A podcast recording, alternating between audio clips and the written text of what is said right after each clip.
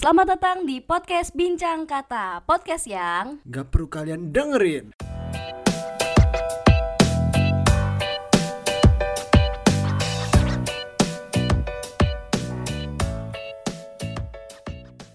Oke, jadi kita sudah di episode kedua nih ya. Yoi. Sesuai dengan judul kali ini Kita mau ngebahas tentang apa nih? Eh, Tentang zona nyaman ya zona nyaman Ya lebih tepatnya kita bagaimana cara kita untuk keluar dari zona nyaman ya Betul atau tidak Bapak? Betul sekali Betul? Atau Betul bisa jadi? Bisa aja Bisa jadi Jadi kita udah lama banget tinggal ketemu sama teman-teman semua ya Iya Udah berapa bulan ya kita vakum ya?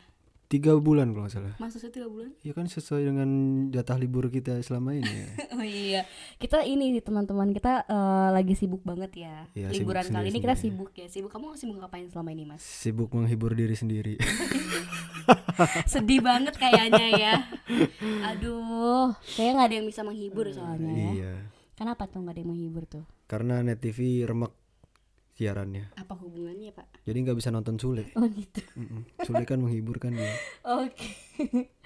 ya saya juga ya selama liburan ini eh, tidak begitu produktif sebenarnya sih. Produktif sih, cuma produktif di kamar gitu ya. Nonton doang gitu. Oke, langsung saja kita ke topik yang mau kita bahas nih. Hmm. Sebelumnya tapi aku mau nanya nih mas. Hmm, kamu ada gak sih mimpi atau cita-cita yang pengen kamu incer dari dulu dari waktu kecil atau dari masih TK atau masih orok gitu masih di dalam kandungan gitu Ada sih yang mas sampai sekarang belum kesampaian tuh apa? Masuk surga Ya saya juga sih ya, ya.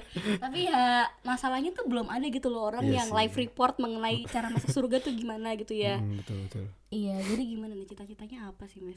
Ya sebenarnya cita-cita aku tuh ya aku mau keliling dunia sebagai seorang pembalap gitu ya. Iya, terus Entah itu pembalap mobil atau motor atau eh oh, kirain pembalap truk.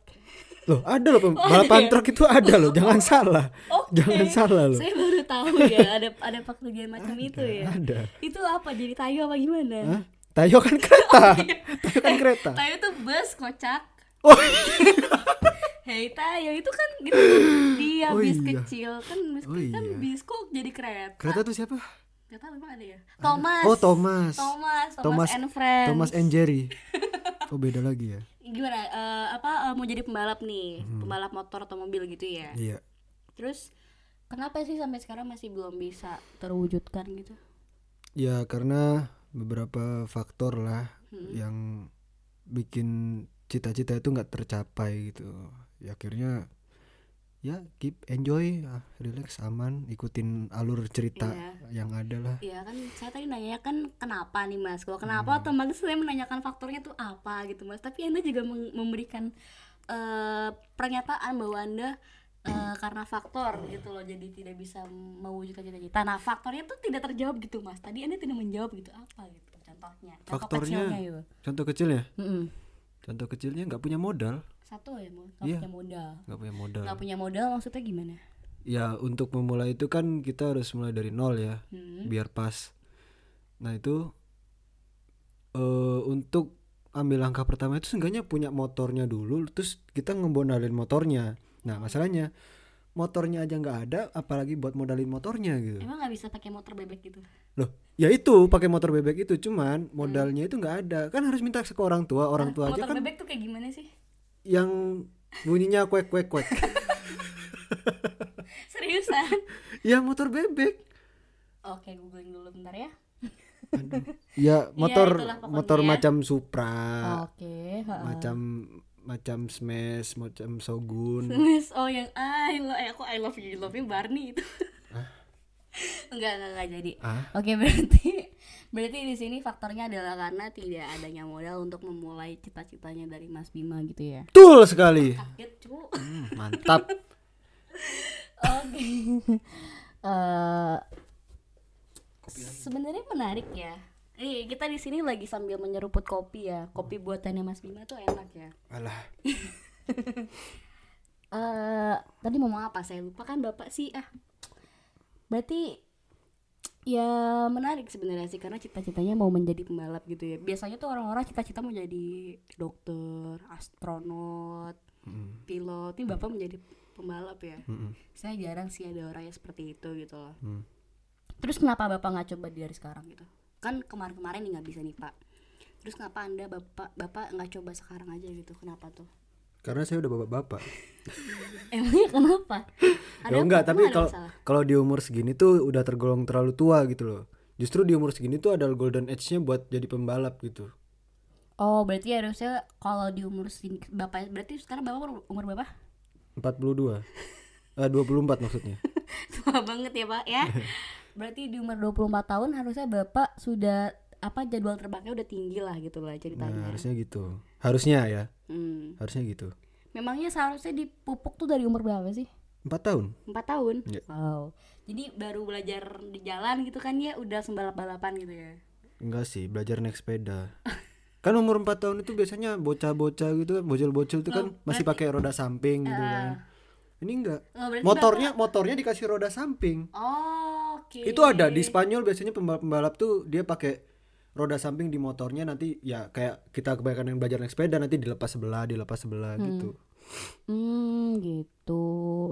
Lucu sih tapi ya. Lucu saya memang. nggak bayangin sih. Coba ketawa deh kalau lucu.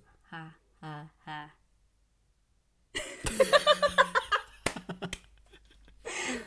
Oke garing banget ya. Bapak nggak mau nanya nih saya mimpi saya tuh apa gitu. Nggak mau. Ya udah deh. Coba kamu ceritain Kita sekian. Sekian podcast kita hari ini. Iya. Nggak bercanda coba kamu ceritain. Apa? kamu tuh punya mimpi apa semenjak dari kecil dulu yang sampai sekarang kesampaian Yang kesampean. Gimana sih pertanyaannya? Ulang, saya mau mencerna ulang dua kali pertanyaan Bapak gitu loh. Coba ulang lagi coba Pak. Jadi apa cita-cita kamu sedari kecil yang nggak kesampaian sampai sekarang? Dan kamu tuh sebenarnya tuh mau banget untuk mencapai cita-cita itu Apa ya? Eh mungkin apa jadi ibu rumah tangga gitu singkatnya iya nggak singkatnya itu saya mau mengajar ke semua anak-anak di Indonesia terutama yang membutuhkan gitu loh wah besar sekali sekolahnya ya iya makanya itu itu Bapak, ya. kelasnya tuh udah kayak ini ya lebih besar daripada masjid Iya. Muharram ya betul sekali jadi saya nanti menampung ini menampung semua eh, apa anak-anak Indonesia gitu yang Hmm. tidak mampu gitu jadi saya sekolahkan di satu sekolah yang sama gitu pak jadi Iya. dari Sabang sampai Merauke saya satukan gitu loh kalah konser DWP ya Iya makanya itu kan itu eh, ini apa eh, pemersatu bangsa gitu Betul kan. sekali. Hashtag pemersatu bangsa gitu ya pokoknya intinya ya apa ya eh, bisa mengajar sih bisa mengajar ke anak-anak yang terutama eh, masih kurang memiliki kesempatan untuk mendapatkan pendidikan yang layak gitu sih berat sih sebenarnya ya cuma ya itu mimpi yang sampai sekarang mau saya capai gitu dan goal saya ke lima tahun ke depan begitu bapak Hmm. Gitu, oke. Bapak ngomong dong, mas saya mulai ngomong ah. Ayo pak. Jadi gini nih pak nih, eh, kita kan tahu ya kalau apa eh, ketika kita nggak bisa dapetin mimpi kita, nggak bisa dapetin goals dan tujuan kita untuk lima tahun ke depan misalnya gitu ya, terjadi karena kita terlalu nyaman dengan apa yang sudah kita punya sekarang ini. Dan kita selalu nyaman dengan kondisi uh, behavior atau apa ya kayak aktivitas-aktivitas kegiatan yang sudah kita lakukan selama ini. Karena kita sudah merasa aman gitu loh di tempat ini. Ketika kita tidak mau step ke depan untuk melakukan suatu hal yang berbeda, eh apa ya kita ngerasa justru kalau kita kita step ke depan malah di depan tuh malah jadi nggak aman gitu loh. Kita merasa tidak eh, feel safe, terus akhirnya kita jadi ngerasa discomfort atau tidak nyaman gitu. Nah itu terjadi ketika kita dihadapi suatu challenge gitu loh Su- suatu tantangan dari eh, diri kita sendiri sebenarnya gitu loh maksudnya dan zona nyaman itu kalau kita em, ngomong mengenai zona nyaman menurut bapak apa sih definisi dari dari zona nyaman itu? Ya kita sudah betah ya di situ ya. Kayaknya tuh enggan gitu untuk keluar dari kandang. Ya kayak kayak contohnya kayak anak rumahan aja sih misalnya. Saya dong ya. Ya kamu merasa nyaman di rumah kayak Bener. malas untuk bukan malas ya pengen untuk keluar tapi apa ya tapi kayak banyak tak banyak tapi takutan tapinya. ya, tapi tapinya. Excusesnya terlalu banyak Hmm. reasonsnya dan alasan-alasannya terlalu banyak gitu. Dan ya. akhirnya kamu stagnan di zona itu. Ya kamu akhirnya mangkrak aja di rumah seharian. Nah iya bener banget sih. Kayak apa yang tadi bapak ini sudah bilang gitu ya. Karena zona nyaman itu adalah di mana kita merasa aman dengan kegiatan-kegiatan kita dan sikap-sikap kita yang selama ini gitu loh. Dan akhirnya kita dengan itu semua kita sudah malah mengendalikan diri kita lagi gitu loh. Dan sebenarnya zona nyaman ini tuh apa ya bisa dibilang musuh terbesar kamu ketika kamu mau berkembang gitu loh. Mau tumbuh kembang untuk diri kamu sendiri gitu loh dan untuk apa ya kayak tujuan dan goals-goals kamu ke depan gitu ini musuh besar banget sih. Kenapa? Musuh besar karena ketika kamu selalu merasa nyaman dan kamu tetap berada di uh, jalan yang sama gitu kamu nanti nggak bisa melihat apa yang besar di luar sana gitu loh. Ya gak sih kayak ibaratnya kita kita apa ya kita bayangin aja nih teman-teman. Misalkan ada bola kecil atau lingkaran lah ya lingkaran kecil itu di mana teman-teman berada di zona nyamannya teman-teman. Nah satu lagi ada lingkaran besar. Lingkarannya besar banget itu ya. Anggapnya kayak apa ya? Yang satu misalkan uh, bola apa? Bola apa nih? Bola bekel. Bola bekel satu lagi bola Hmm. apa? Bola bola-bola kuasa bola basket kali Ya, ya bola kan basket main lah. tuh. Ah, anggap aja yang bola bola apa tadi bola bekel itu Hmm. teman-teman berada di zona nyaman teman-teman gitu loh Dan yang bola basket itu di mana suatu kejadian atau something big will happen in your life kayak misalkan bisa aja di bola basket itu teman-teman mendapatkan Nobel Prize mendapatkan achievement achievement tertentu gitu ya. Terus bisa aja tiba-tiba eh, di ternyata di bola bola basket itu teman-teman mendapatkan penghargaan dari pre- bapak presiden misalkan gitu ya. Tapi ketika teman-teman terus berada di tem- eh, bola bolanya teman-teman yang bola bekel itu ya teman-teman terus di situ aja. Teman-teman nggak bisa dapetin apa yang di bola basket tersebut gitu loh. Ngerti nggak maksudnya logikanya? Masuk. Masuk. Masuk. Masukin nggak? Masuk. Oke masukin bolanya dong ya ke mana? Masukin bola. Masukin bola bekel ke dalam bola basket gitu loh. Emang bisa ya? Nggak bisa. Nggak bisa juga sih ya. Maksudnya berarti masukin apa ini? Saya nggak nggak paham nih. Saya gagal paham sebenarnya bukan nggak paham. Kan saya gagal paham masukin apa ini? Saya juga bingung sih ngomongnya gimana ya. Ya pokoknya intinya ketika digambarkan seperti itu jadi eh daripada teman-teman berada di jalan hidup yang sama gitu loh dengan hanya apa ya ruang lingkup yang kecil banget cuma sebatas kayak bola bekel doang. Sedangkan teman-teman di luar sana itu punya bola basket yang luar- yang ruang lingkupnya itu lebih besar daripada daripada bola bekel ini. Dan alangkah alangkah lebih baiknya ketika kita bisa step up lebih jauh ke bola basket ini supaya kita menjadi better version of ourselves gitu loh. Atau menjadi kita yang menjadi diri kita yang lebih baik gitu loh. Hmm. versi diri kita yang lebih baik. Begitu. Dan kenapa sih memangnya kita harus eh, keluar dari zona nyaman gitu? Bukannya harus sih kayak kenapa zona nyaman itu eh apa ya? Ya jadi kayak benteng kita untuk jadi benteng kita. diri kita jadi sendiri. itu ya. Kenapa jadi great enemies ya? Karena ya balik lagi tadi kan mereka, mereka si zona nyaman ini dia bisa menghambat kamu untuk bertumbuh. Hmm, menghambat pertumbuhan jadi ya pendek aja. Makanya badan Ya, badan anda tuh pendek tuh karena anda berada di zona nyaman Iya benar juga sih saya ya. Karena ya Hmm. karena saya selama ini dari dulu kecil ya saya eh, saya terlalu enak untuk di kamar mulu gitu loh. Hmm. suka keluar buat main ini main bulu tangkis gitu kan. Jadi saya saya jadi saya pendek gitu loh. Apa urusannya sama bulu kan tangkis? kalau bulu tangkis kan olahraganya kan dia lompat-lompat otomatis oh bikin tinggi gitu. dong kirain bikin tangan anda yang kanan tuh panjang kirinya pendek ya gitu. enggak dong oh, pak. enggak. gitu sama aja ibaratnya kayak gitu loh diperumpamakan dan iya iya. Ya bertumbuhnya ini maksudnya adalah di area-area area-area kehidupan teman-teman gitu loh. Dari segi relationship teman-teman dengan keluarga dengan pacar dengan suami dengan istri dan anak atau dengan keluarga lainnya atau dengan guru juga kerabat. Terus juga di area bagian karir teman-teman. Terus dalam studi teman-teman juga di kuliah di SMA di SD TK gitu ya playgroup Playgroup. TPA TPA tuh Hmm. itulah gitu ya sama di eh, keagamaan teman-teman juga sama di keuangan teman-teman juga gitu loh. jadi bertumbuh dalam segi area-area kehidupan ini tuh emang penting gitu sebenarnya karena itu yang bakal membentuk jati diri teman-teman nantinya gitu dan itu yang membentuk teman-teman ke depannya dengan semua goals dan visi visi, visi misi teman-teman di kehidupan dan kenapa sih bertumbuh kembang itu eh, dapat diperlukan dalam untuk pribadi-pribadi kita? Kenapa itu mas? Kok kayaknya yang sebelah saya sudah ngantuk ya ini? Bapak ngantuk tapi bapak minum kopi loh. Makanya kopinya kurang manjur ya pak. Iya. Kenapa itu? Belum baca Bismillah kayaknya. Oke ya kok gitu sih pak? Tadi baca dulu aturan. Hmm. Itadakimas tadi bilang. Itadakimas kan ita- itadakimas kan selamat makan. Iya kan biasanya kan gitu anak-anak his zaman sekarang. Generasi Z kan gitu. Mau makan tuh itadakimas atau apa Koreanya? Camoke semenita ah itu. Ya sebenarnya kalau itu Kamsamida gitu ya. Itu kamu sambil kan terima kasih pak. Aduh bapak ini gimana sih? Ya kita balik lagi ke topik ya pak ya. Ini bercanda mulu nih kayaknya. Nggak apa-apa sih ya. Nggak boleh sih oh sebenarnya nggak boleh. Kenapa emangnya boleh? Karena bercanda itu dilarang. Dilarang kenapa tuh? Dilarang sama saya.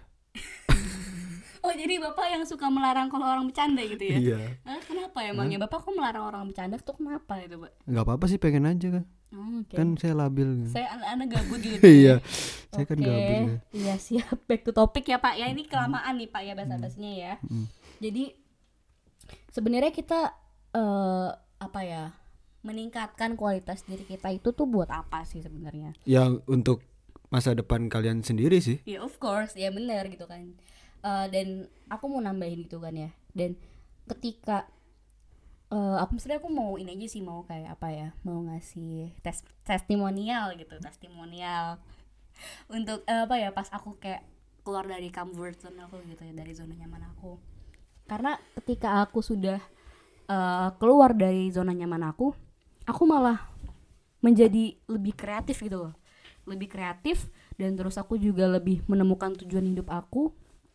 Aku juga jadi menghidupkan mimpi dan goals aku dan akhirnya aku achieving goals goals aku gitu dan setelah itu aku malah menjadi feel alive dan aku menjadi lebih manusia lagi karena selama kemarin-kemarin aku masih tetap di zona nyaman aku aku ngerasa kayak nggak ada perubahan dalam hidup aku dan aku malah jadi kayak zombie gitu loh. Kayak zombie gimana ya? Kayak zombie gitu ya bener kayak zombie. Kayak zombie karena aku tuh ngerasa ya aku kayak diem aja dan aku nggak ngelihat keluar apa pun opportunities dan kesempatan itu datang ke aku. Tapi aku diem aja kayak cuma hidup doang tapi nggak ngapa-ngapain gitu iya ya bener kayak Ya zombie. kan? karena kayak zombie banget. bangun makan tidur bangun makan tidur udah gitu aja. Iya dan ketika aku melakukan suatu hal yang berbeda gitu loh. Misalkan sebelumnya nih ya aku eh, bangun tidur itu jam 12 sa- jam 12 siang nih kan. Hmm. abis abis bangun tidur jam 12 siang aku nonton TV gitu kan. Kalau nggak buka Instagram gitu kan.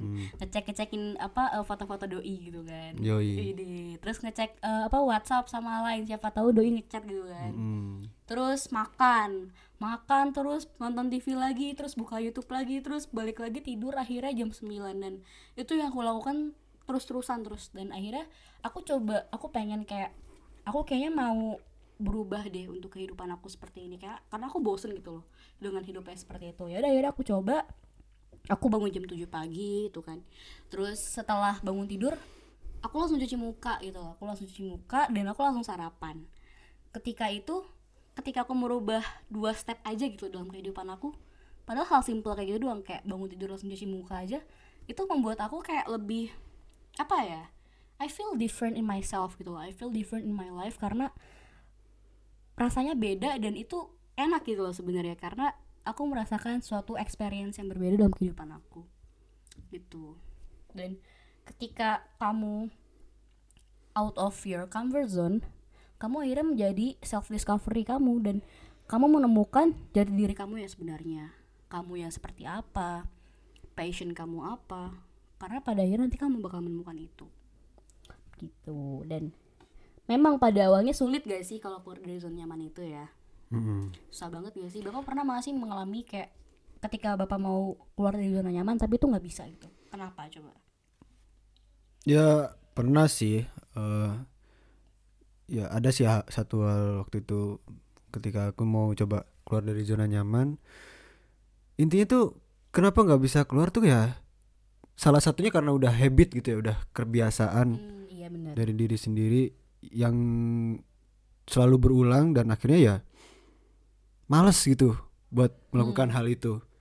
Nah akhirnya ya walaupun nanti satu dua hari ke depan bisa melakukan itu ya ntar ya balik lagi balik lagi juga gitu. Akhirnya ya ketika udah mau keluar dari zona nyaman itu udah udah gali temboknya itu mundur sebelum tembok itu jebol. Ya akhirnya kembali lagi ke diri yang lama gitu. yang ke zona nyaman itu lagi ya. Nah Iya sih, karena yang aku lihat ya biasanya ketika kita mau melakukan suatu hal yang berbeda dalam kehidupan kita, pasti di awalnya kita dimulai dengan merasa kayak nggak nyaman gitu loh, baik secara fisik maupun secara emosional gitu kan. Karena mungkin ketika ngelihat suatu hal yang baru kita jadi kayak dalam apa ya pikiran kita gitu langsung ngeproses kayak aduh baru awalnya kayak aduh nanti bakal begini nih. Aduh kayaknya males banget deh. Aduh bla, aduh aduh aduh aduh gitu kan. Dan akhirnya ketika kamu sudah merasa tidak nyaman itu pasti pada akhirnya kamu bakal membuat sebuah excuses. Sebuah reason? Sebuah alasan untuk kamu tidak melakukan hal baru tersebut ya kan? Dan ketika kamu sudah membuat excuses akhirnya kamu malah jadi nggak mau menghadapi resiko gitu loh. Kamu malah nggak mau terima apa ya kayak segala resiko yang bakal terjadi dalam kehidupan kamu. Padahal ketika kamu melakukan hal baru tersebut bisa jadi gitu ya posibilitasnya itu lebih besar untuk merubah kehidupan kamu yang lebih baik dibandingkan sebelumnya gitu kan. Tapi ketika kamu sudah membuat excuses kayak bilang aduh males banget deh. Aduh kayaknya nggak bakal berhasil. Dan akhirnya kita malah jadi nggak nggak jadi berubah gitu loh. Kita malah nggak melakukan hal baru tersebut. Justru kita malah semakin berada di zona nyaman kita. Stuck di situ aja gitu. Dan akhirnya kita menjadi zombie lagi gitu dan ada sih satu hal lagi yang bikin tuh? kita stagnan di di zona nyaman. Dua kata doang. Apa? Ntar dulu. Nah bener. Kayak do it later nanti dulu aja ah males banget. Kayak itu tuh kata-kata yang toxic banget guys sebenarnya kalau buat balik lagi ke episode 1 ya? Itu toxic banget sih kalau menurut gue dalam apa ya eh, untuk ketika lo tuh mau ngerubah kehidupan lo yang menjadi yang lo yang lebih baik itu tuh wah itu kacau banget sih kalau itu selalu ada di dalam pikiran lo gitu ya kayak bilang nanti dulu nanti dulu. Sama aja sih kayak kita sebenarnya ketika kita mau bikin podcast tapi nggak jadi-jadi gara-gara selalu bilang ntar dulu ah mager. Itu itu selalu ada dalam diri kita gitu ya. Pada akhirnya kita baru bikin podcast sekarang lagi ya tepuk tangan lu dong buat kita. Sedih anjay dengernya. Mau nangis gua terus juga nih yang terakhir nih kan gimana gimana? Ketika kamu apa pengen keluar dari uh, zona nyaman tapi nggak bisa bisa nih ya gara-gara kamu selalu takut gagal. Kamu takut untuk mencoba gitu loh. dan sebenarnya ya kalau kamu nggak nyoba dulu gimana kamu mau tahu hasilnya kan? Makanya kalau dari awal kita sudah uh, berpikiran akan kegagalan itu suatu hal yang buruk ya itu yang bakal membuat kita terus holding back gitu loh. Kita menjadi semakin tidak mau untuk melakukan hal yang baru tersebut. Dan sebenarnya kalau menurutku kegagalan itu bukanlah suatu hal yang buruk karena kegagalan itu adalah suatu pelajaran ketika kamu ingin mencapai hasil yang kamu mau. Karena ketika kamu gagal kamu bisa belajar gitu loh. Belajar dari kegagalan. Kayak misalkan kemarin kamu gagal untuk diet ya kenapa gagalnya mungkin karena aku terlalu makan malam mulu gitu kan makan jam 12 malam mulu gitu atau mungkin aku kurang olahraga nah dari situ untuk ke depannya bisa buat belajar kamu jadi bahan evaluasi dan bahan merefleksi diri kamu gitu loh benar gak sih Hmm. Terus juga ada sih kayak misalnya eh aku pernah dengar sih atau ini salah atau enggak. Kalau nggak salah sih gini ya.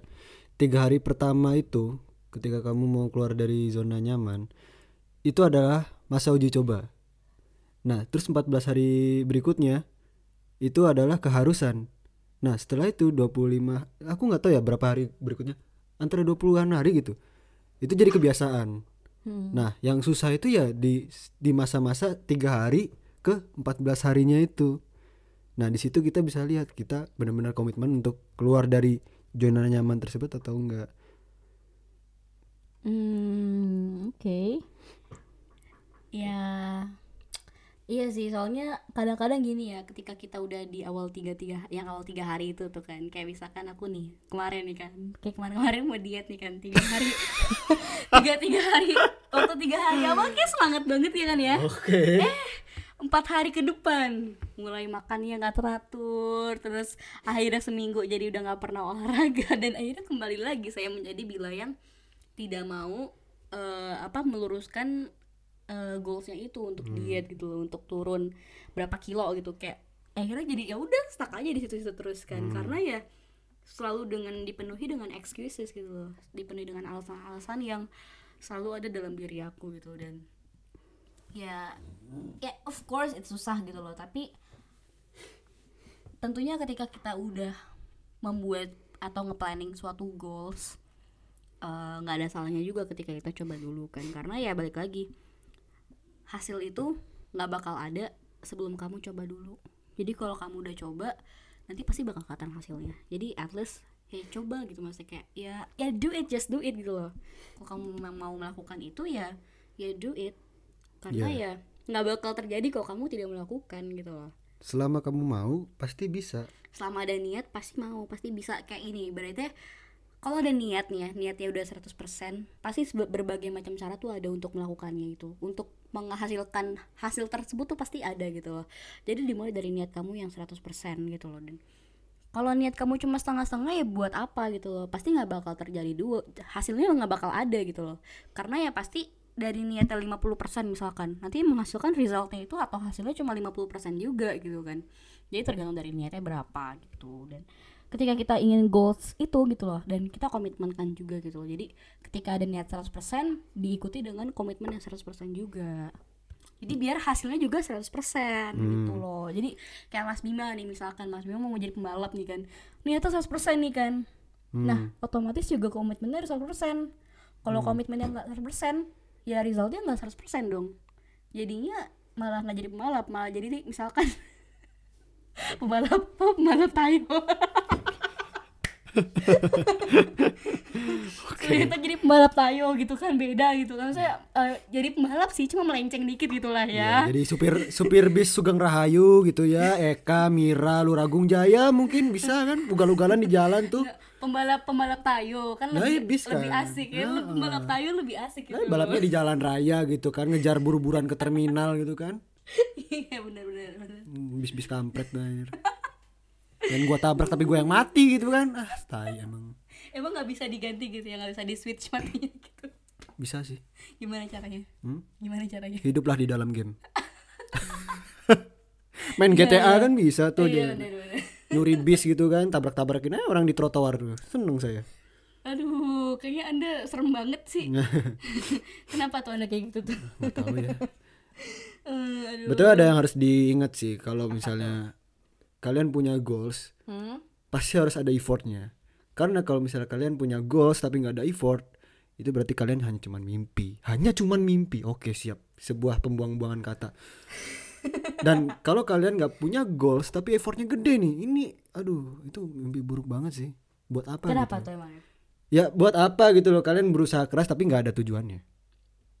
Jadi kayak nanti menyebar-nyebar gitu maksudnya. Ah tidak fokus. Oke, tidak fokus gitu ya. hmm. tapi untuk zona nyaman ini sih kan berarti kan kalian kan punya tujuan gitu kan. Iya benar. punya goals. Harus ada effortnya. Nah kalau nggak ada effortnya ya itu tadi yang saya bilang. Mimpi aja lu. Kayak gitu aja terus.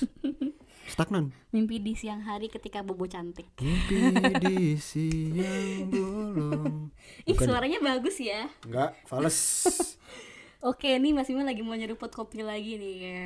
Coba ASMR Oke, terus lanjut lagi nih. Eh, terus gimana sih caranya biar kita itu bisa keluar dari zona nyaman kita gitu ya? Punya tips and trick gak sih mas? Niat. Hmm? Bismillah. Kalau muslim ya Bismillah. Kan Bismillah juga niat juga kayaknya. Jalankan. Terus? Jadikan kebiasaan. Oke, benar sih karena dari comfort zone aja tuh sebenarnya itu bisa menciptakan kebiasaan kita juga nggak sih? Kayak ketika kita udah nyaman dengan ini kita pasti bakal jadi ter, apa ya jadi bakal terbiasa terbiasa juga gitu loh. Sama aja kayak kamu mau keluar dari comfort zone ya kamu juga apa ya kayak jadikan itu sebuah kebiasaan dan akhirnya kamu malah menjadi suka untuk melakukan itu gitu loh. Misalkan kayak kamu mau keluar dari zona nyaman kamu ketika kamu di kelas gini ya misalkan misalkan. Kamu selama ini takut buat tanya sama dosen atau guru kamu gitu ya karena gurunya atau dosennya tuh killer banget gitu loh dan mukanya serem kita harus duduk tegak gitu kan. Tapi ketika kamu punya sebuah pertanyaan gitu ya ketika kamu nggak bisa nanya eh ketika kamu nggak ngerti sama suatu pelajaran itu materi itu kamu pengen banget nanya nih tapi kamu nggak bisa gara-gara dosennya killer. Padahal ya kalau kamu emang mendapatkan apa yang kamu pertanyakan kenapa nggak ada salahnya kamu nanya gitu kan kenapa harus takut sama manusia juga gitu loh ibaratnya kasarnya seperti itu. Dan nggak dan malah bis- bisa jadi guru atau dosen itu juga suka ketika kamu ditanya ketika kamu nanya sama si dosen itu. Dan ketika kita mau keluar dari comfort zone kita yaitu kita mau nanya ke dosen itu ya udah langsung aja angkat tangan aja gitu angkat tangan aja dulu. Dan nggak ada salahnya ketika kamu angkat tangan kamu nanya gitu justru itu hak kamu juga ketika kamu nanya ke dosen ya nggak sih? Betul. Itu itu hak kamu juga. Dan kenapa enggak gitu loh? Itu tujuannya juga baik kan untuk eh, kamu mencapai apa pengetahuan kamu juga. Kamu nanti jadi ngerti materi kamu nanti juga akhirnya dosennya juga suka sama kamu gitu kan karena kamu sering nanya gitu kan. Jadi gitu sih. Dan apa ya Kalau dari aku eh sebenarnya banyak ya kalau untuk tip tips and trick gitu kan ya untuk kayak menghadapi atau ingin keluar dengan apa ingin keluar dari comfort zone gitu lah. Sebenarnya salah satunya itu eh bukan salah satu salah berapa ya berarti ini ya? Salah tuh dua tiga empat. Nanti saya hitung lagi lah ya pokoknya ya. Jadi yang pertama itu ya kamu apa ya hadapi resikonya dulu gitu loh.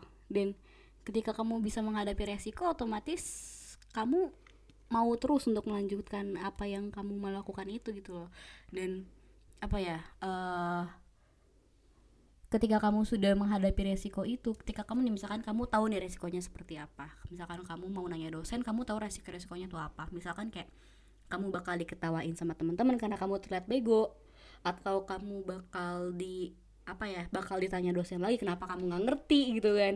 Kenapa kamu nggak ngerti sih? Kamu nggak merhatiin saya ya? Pasti ntar ditanya kayak gitu lagi kan itu resikonya kita kan ketika kamu ketika aku mau nanya ke dosen gitu kan. Misalkan itu ketika ketika kita sudah tahu apa resikonya nah nanti kita perdalamkan niat kita untuk melakukan apa yang mau kita mau itu gitu. Loh. dan perdalam niat itu kayak apa ya? Kayak di sini kita eh, memperdalam mengen- eh, mengenai kayak kenapa sih kamu ingin eh, goals tersebut itu tercapai gitu loh. Dan setelah itu ya believe in yourself untuk melakukan itu. Karena ya kamu tuh bisa melakukannya gitu loh. Kalau misalkan orang-orang tertajir di Indonesia atau di seluruh dunia ini bisa dapat uang yang sebanyak itu kenapa kamu nggak bisa gitu loh? Kasarnya kan seperti itu.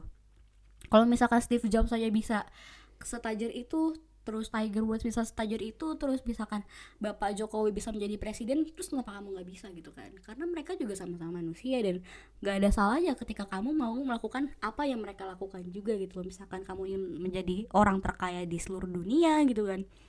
Dan ketika kamu sudah believe in yourself kalau kamu sudah bisa melak kalau kamu pasti bisa melakukannya itu pasti itu tuh kunci utama sih. Karena ketika kamu sudah pede terhadap diri kamu sendiri nanti kamu bakal terus mau melakukannya itu gitu. Dan apa ya ketika terus kamu eh, sudah mantap gitu ya dengan diri kamu dengan mantap dengan goals kamu terus juga nanti kamu apa ya udah eh komitmen untuk melakukannya pada akhirnya nanti kamu bakal merasa feel grateful atau grateful tuh apa ya? Syukur. Bersyukur. Bersyukur dengan atas segala proses yang telah kamu lakukan selama ini untuk berusaha keluar dari comfort zone kamu. Dan kamu pasti bakal bisa menghargai atas segala uh, small things atau small steps yang selama ini sudah kamu lakukan. Dan ketika itu juga kamu pasti uh, apa ya bisa melakukan apa ya take time untuk merefleksikan diri kamu uh, atas experience yang sudah kamu lakukan selama ini. Misalkan kayak uh, proses yang udah kamu lakukan itu adalah kamu sudah nanya nih ke dosen gitu kan. Dan dari situ kamu bisa merefleksikan diri kamu dari apa yang sudah kamu apa ya uh, experience kan itu karena ketika kita udah nanya ke dosen kita bisa refleksikan bahwa sebenarnya ini berguna buat kita. Karena dengan ini kita jadi bisa mengerti dengan materi yang bakal kita nanti ujian. Kan gitu kan ujian kan. Ujian kan tuh apa ya? Yang diuji kan. yang diuji gitu lah ya pokoknya. Itu bakal jadi apa ya sebuah refleksi besar buat kamu gitu. Dan itu bisa jadi sebuah pacuan lagi buat kamu juga gitu loh ketika kamu sudah bisa merefleksikan atas experience apa yang sudah kamu experience apa yang sudah kamu dapatkan ketika kamu melakukan eh, keluar dari zona nyaman kamu. Dan ya ketika kamu sudah melakukan itu dan ketika kamu sudah melakukan decision atau keputusan ataupun eh, take action yang dilakukan itu sekarang ya kamu sudah bertumbuh gitu loh. Kamu sudah menjadi uh, be the best version of you the better version of you gitu loh. Dan itu adalah suatu pertumbuhan yang paling baik menurut aku karena itu bersifat jangka panjang. Karena ketika kamu apa ya eh, melakukan self improvement kepada diri kamu sendiri itu sifatnya jangka panjang gitu loh. Dan itu yang bakal kamu bawa terus sampai kamu akhir hayat kamu nanti. Bahkan nanti bisa apa ya kayak nular juga gitu loh ibaratnya kayak ke anak kamu gitu loh. Dan karena ya balik lagi kan kayak anak tuh pasti ngelihat dari ibu atau bapaknya kan biasanya kan.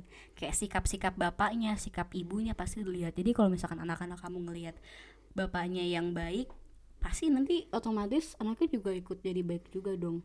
Menjadi anak yang better dan menjadi anak yang nanti bisa menghadapi sebuah resiko itu dihadapi dengan eh ya dengan apa ya bukan ikhlas sih kayak lebih ke dia bisa memanage itu gitu loh dia bisa memanage resiko yang bakal ada ke dia gitu Hmm. Uh, kayaknya sudah lumayan panjang ya kita berbincang-bincang ya. Dan ini sih sebenarnya ya ketika kita i- apa keluar dari zona nyaman kita itu sebenarnya nggak ada buruknya juga nggak ada baiknya juga gitu loh ketika kita mau stay di zona nyaman kita juga sebenarnya nggak apa-apa gitu loh. Dan itu pilihan teman-teman gitu kan untuk melakukannya atau enggak kan. Karena tiap orang punya pilihan hidup masing-masing. Dan tugas kita adalah sebagai pribadi ya menghargai atas pilihan hidup orang lain juga gitu loh. Jadi kalau teman-teman misalkan ada teman kalian yang belum mau misalkan ya untuk eh, apa keluar dari zona nyamannya ya it's okay gitu jangan terlalu dipaksa juga karena kalau terlalu dipaksa juga malah bisa bikin dia jadi stres atau depresi juga. Jadi yang bisa kita lakukan ya, ya mungkin step pertama ya kita menghargai mereka gitu loh atas pilihan mereka gitu loh. Dan setelah mereka set- setelah kalian menghargai ya mungkin ya step eh, apa ya step by step bisa lah kayak dikasih contoh. Ibarat kayak apa ya sebenarnya dikasih contoh sih kalau menurutku. Karena kalau ketika kamu mencontohkan ke orang lain orang lain pasti bakal melihatnya kayak itu sebuah apa ya Motivasi. motivasi dan orang jadi kayak jadi amazed sama kalian jadi wow sama kalian dan otomatis mereka pasti jadi mau ikut gitu loh kayak mereka bakal mau apa ya menggerakkan diri mereka sendiri untuk berubah ya nggak sih bapak diem banget sih bapak Iya.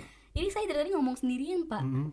nggak dikasih minum lagi ah Ada nih kopi mau, ampasnya doang. nih. Aduh, ampasnya doang gimana sih Tapi ini ya, eh, kalau memang kalian nggak punya tujuan sih ya, dan kalian nyaman di zonanya kalian sendiri ya, it's okay sih sebetulnya. Nggak nggak nggak perlu dipaksakan juga. Aku harus keluar dari zona nyaman, zona nyaman, zona nyaman gitu. Iya, nggak juga sih, karena ya itu tadi yang aku bilang kan.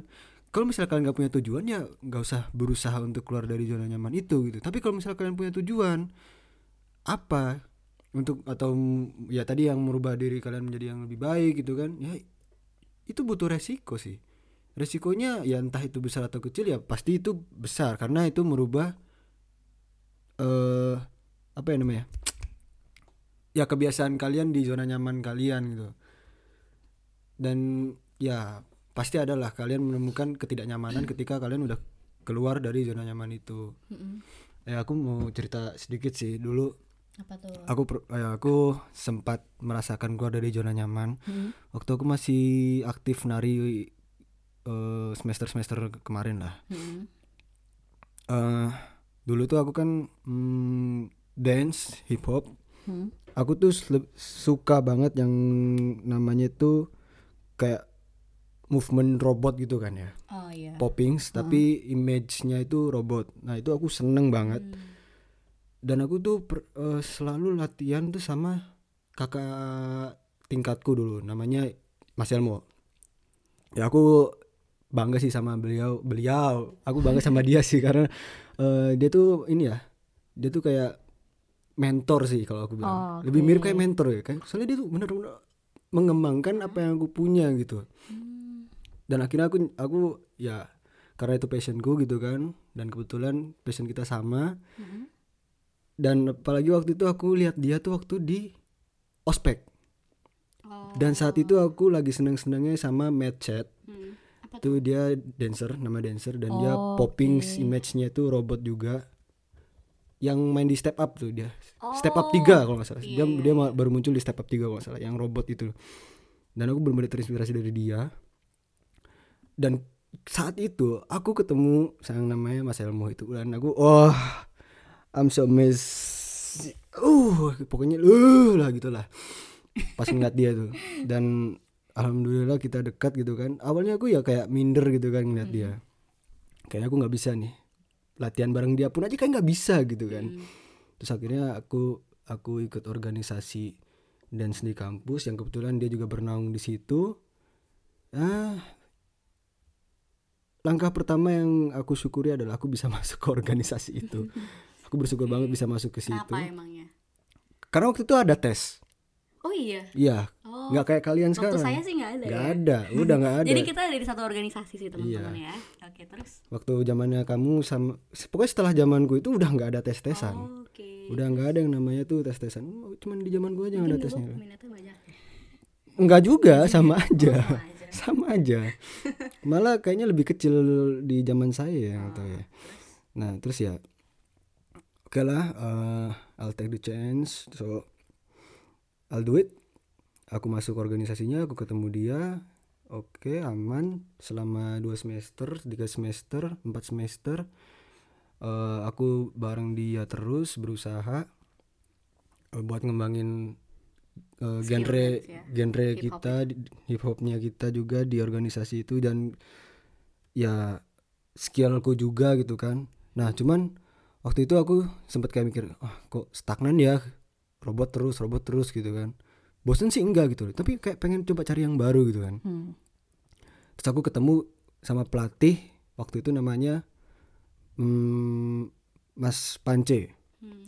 sebelumnya tuh pernah ketemu sama Mas Eko sih dia tuh kayak hip hop gitu cuman aku kayak kurang eh, enjoy sih enjoy cuman kayak kurang serak gitu kan buat mendalami hip hop itu nah waktu ketemu sama Mas Pance ini tuh pernah sekali diajakin buat ikut open circle dan itu di public gitu kan Open circle itu apa? open circle tuh kayak namanya itu apa ya lupa aku cyper jadi cyper itu kayak kita bikin lingkaran Oh, iya iya iya. dan iya. kita di situ dan kita di situ tuh freestyle satu-satu gitu kan Oh. oke aku freestyle dan hmm, oke cacat oke cacat Oke. oke cacat nah terus ya habis itu aku diken apa dikenalin sama namanya Mas Pance dan kebetulan di situ waktu itu open circle itu ada nama itu Mas Eko Black dan dia itu pernah jadi tamu di apa ya World of Dance di Singapura kalau nggak Wow, salah Oh, World of Dance. Iya, Oh, World of oke. Dance pas di Singapura tahun tahun ini kalau nggak salah. Tapi waktu itu dia belum belum diundang ke situ sih. Tapi ya dia emang selalu punya eh nama yang kuat gitu loh setiap kali ada event-event freestyle battle gitu. Terus terus. Nah terus waktu itu ya aku dikenalin sama yang namanya Mas Pance. Dan kebetulan Mas Pance ini dia sangat-sangat berbeda sekali dengan genre yang aku suka. Tapi dia dia bisa popping, dia bisa popping dan aku dikenalin ke dia karena dia bisa popping. Oke, popping. Terus aku diajakin sama Mas Pance nih kita udah udah udah kayak apa ya kayak kenalan gitu kan ngobrol-ngobrol gitu kan apa yang aku suka apa yang dia suka mari kita satukan dan ki- kira aku diundang ke eh apa namanya latihan rutin latihan rutinnya dia. Jadi otomatis aku ikut latihan rutin di luar kegiatan kampus yang biasanya aku latihan itu selalu latihan rutin di organisasi. Hmm. nah itu baru pertama kalinya aku ikut latihan di luar kampus dengan orang yang tidak saya kenal oke hari pertama yang saya lakukan adalah tuh? berangkat nggak ya berangkat nggak Ragu-ragu ya. Iya, karena itu adalah uh, first step sih ya buat aku sih. Hmm. Itu langkah pertama yang gede banget buat aku. Ya walaupun kelihatannya sepele sih emang ya, tapi itu buatku langkah yang besar gitu loh. Karena ini sesuatu yang baru dan aku nggak pernah melakukan itu. Hmm. Karena biasanya aku latihan ya sama orang yang aku kenal gitu kan, sama Mas Elmo, sama temanku yang namanya Made gitu kan. Mm-mm. Terus? Ya dan kali ini aku latihan sama orang yang nggak aku kenal gitu. Even Mas Pance gitu kan, ya aku nggak kenal gitu. Ini siapa Mas Pance gitu? Orangnya kayak apa dan Oke, aku ambil kesempatan itu jangan disia-siakan.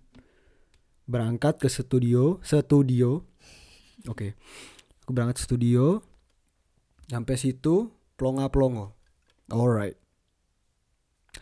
Diam, termenung di motor. Masih di luar, masih di motor tuh ya. Masih di parkiran. Oke, terus Plonga-plongo masih duduk di motor, mau ngontak siapa juga nggak tahu. Karena belum ada kontaknya kan waktu itu kan belum bertukar kontak sama Mas Pance. Oke. Daripada diem aja ya langsung cabut aja ke studio. hmm. masuk ke dalam Terus? dan ya ketemu juga akhirnya sama Mas Pance dan kupikir bakal dicuekin gitu kan dan ternyata enggak aku mendapat sambutan hangat Woi. Wow.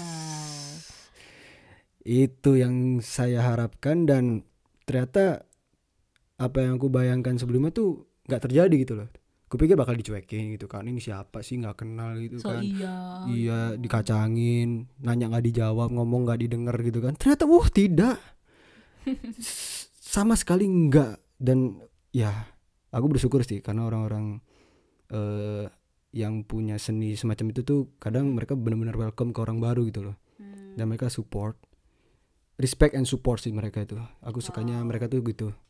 Untuk orang hip hop ya hip hop ya yang aku tahu gitu, dancer dancer hip hop tuh kayak gitu biasanya Hmm. cuman aku nggak tahu ke yang lain gimana ya akhirnya satu dua hari gitu kan nggak sih pertemuannya kan seminggu sekali ya seminggu pertama dua minggu pertama tiga minggu pertama itu ya ya is okay lah is fun gitu kan dan akhirnya aku lanjut terus sampai satu semester eh ikut latihan Mas Pance dan ya aku akhirnya diajakin lomba freestyle battle Widih. di Surabaya. Gimana menang nggak? Saya tidak ikut karena Nggak ikut. aku nggak ikut aku cuman akhirnya ya cuman lihat aja lah gitu kan. Wah gila. Oh. Soalnya lawannya monster-monster gitu kan. Wah aku ngeliat, ngeliatnya aja takut. Aduh skill saya masih cemen banget gitu kan. itu Mereka excuses anda Nah. keluar dari comfort zone. nah itu tapi nggak juga karena di situ ada momennya freestyle battle ketika lagi pengumuman. Di situ aku memberanikan diri. Ya untungnya apa yang saya punya pada saat itu tidak membuat orang yang melihat saya membosa apa merasa bosan gitu kan. Ya bersyukurlah saya gitu. Dan saya juga menyesal juga. Kenapa nggak ikut aja sekalian. Kan. tapi tapi nggak eh, emang waktu itu aku lihat pesertanya juga kayaknya aku masih belum bisa memungkinkan gitu. Kayak seakan-akan aku kalau ikut itu aku- nggak tahu diri gitu. Lebih eh, eh, ikut yang lokal lokal dulu aja lah gitu kan. Ini nasi, internasional soalnya itu nggak mungkin gitu kan. Jurinya aja dari Singapura. possible, ya tapi ya nggak apa-apa lah kesempatan ada lain lain waktu Lo mengambil kesempatan, bukan yang ngasih kesempatan ke orang lain. nggak apa-apa lah amal amal kesempatan Amal apa-apa. kesempatan. Mm-mm. Sadar diri sebelum tidak tahu diri gitu kan. Hmm, betul sekali. Ya akhirnya eh sampai saat ini pun ilmu itu ada dan itu yang mau aku dapat gitu loh. Itu adalah ilmu baru yang aku dapat ketika aku nyaman dengan poppingku yang gitu-gitu aja. Dan ketika aku ikut sama Mas Pance ini, aku mendapatkan ilmu yang baru yaitu locking benar-benar beda popping dengan image robotik yang kaku berbanding jauh banget sama locking yang apa ya luwes gitu loh Hmm. benar-benar lincah ke sana kemari loncat ya itu berbanding terbalik banget dan aku udah nyaman juga akhirnya di situ. Jadi aku mem- memperluas zona nyaman saya gitu kan buset. Dari yang aku merasa kayak ragu takut gitu kan buat apa eh ambil kesempatan ini gitu kan. Ya akhirnya ya bisa juga memperluas zona nyaman itu gitu. ya sampai sekarang pun aku merasa aku merasa bersyukur gitu loh. Walaupun akhirnya ya mas mentor mas Pance ini akhirnya dia eh, sekarang di Bandung sih. Dan dia kayaknya udah memang jadi kru di sana dan punya pekerjaan di sana dan akhirnya eh komunitas rutin ini akhirnya ya berhenti gitu. Sayangnya sih itu. Dan untungnya sih aku, udah eh, punya pengalaman di situ gitu. Hmm. Gitu. Oke, wah ceritanya lumayan ya, kayak seru sih sebenarnya. sebenarnya mungkin apa ya? Eh intinya adalah Mas Bima ini waktu itu eh keluar dari zona nyamannya dengan cara dia apa willingly untuk melakukan eh, gerakan-gerakan baru dan dia mau join latihan dengan teman-teman baru gitu ya ibaratnya kayak dari luar kampus gitu kan. Karena ya sebenarnya itu juga suatu hal yang besar sih kalau menurutku ya. Ibaratnya kayak ketika aku mau coba latihan dengan orang lain aja tuh kayak udah duduk tekan banget. Aduh gemeteran setengah mampus gitu kan. Aduh gila ini gimana ini kalau gue dibilang jelek gimana sama orang-orang? Gitu kan. Terus kayak malu-maluin lah. Cuma ya itu yang apa ya baby steps atau small step yang bisa kita lakukan gitu loh untuk merubah diri kita untuk bisa keluar dari zona nyaman kita yang sebelumnya gitu loh. Dan memang pada akhirnya ketika kita mau keluar dari zona, dari zona nyaman pasti bakal meningkatkan res apa ya meningkatkan kegelisahan kita gitu loh anxiety kita kegugupan kita kenervosan kita ketidakpercaya dirian kita gitu. Pasti bakal selalu muncul gitu loh. Tapi ya apa ya it's okay kalau misalkan masih mau tetap ada tapi balik lagi kalau kamu mau apa eh, mendapatkan benefit dari segala proses yang kita lakukan ya hal-hal tersebut perlu dihilangkan gitu loh perlu di apa ya buang perlu jauh-jauh lah. dibuang karena ya ketika kita selalu merasa gugup dan grogi atas apa yang mau kita lakukan apa tujuan kita selama ini ya nggak bakal dilakukan. Pada akhirnya kamu bakal mencari alasan-alasan untuk tidak melakukan hal tersebut gitu loh. Akhirnya ya bilang ntar dulu deh. Iya pada akhirnya ntar aja deh. Gue mah ntar aja deh kesempatan gue masih panjang kok. Masih padahal ada ya ya lu nggak tahu hidup sampai kapan gitu loh. Maksudnya kayak selama lo masih hidup ya kenapa nggak dipergunakan dengan baik untuk apa ya untuk melakukan hal-hal baru dalam kehidupan lo untuk melakukan tujuan-tujuan atau cita-cita lo yang selama ini lo impikan gitu loh. Gitu sih. Yo i ya kita ngobrol udah panjang banget ya sih. Bener sih. Kamu ada nggak quotes untuk hari ini tuh apa gitu? Kos untuk hari ini? Iya. Hmm ada sih. Oh iya siap-siap dulu kayak ancang-ancang kuda-kuda gitu ya. Oke, Oke. saya mau dengar nih Saya mau dengar quotes dari Mas Bima nih. Quotes untuk hari ini ya untuk episode kali ini. Eh? Tadi udah disampaikan sih sebenarnya. Apa tuh? Eh untuk mencapai tujuan harus ada effort, harus ada usaha. Kalau ada apa? Kalau ada apa? Kalau ada angin kalau ada uang ya ulang-ulang.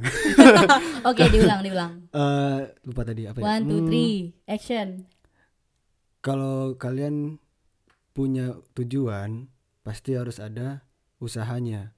Karena kalau kalian berusaha tapi nggak ada tujuannya, itu adalah mimpi buruk. Begitupun sebaliknya, kalau kalian punya tujuan tapi nggak ada usahanya, berarti kalian hanya bermimpi belaka.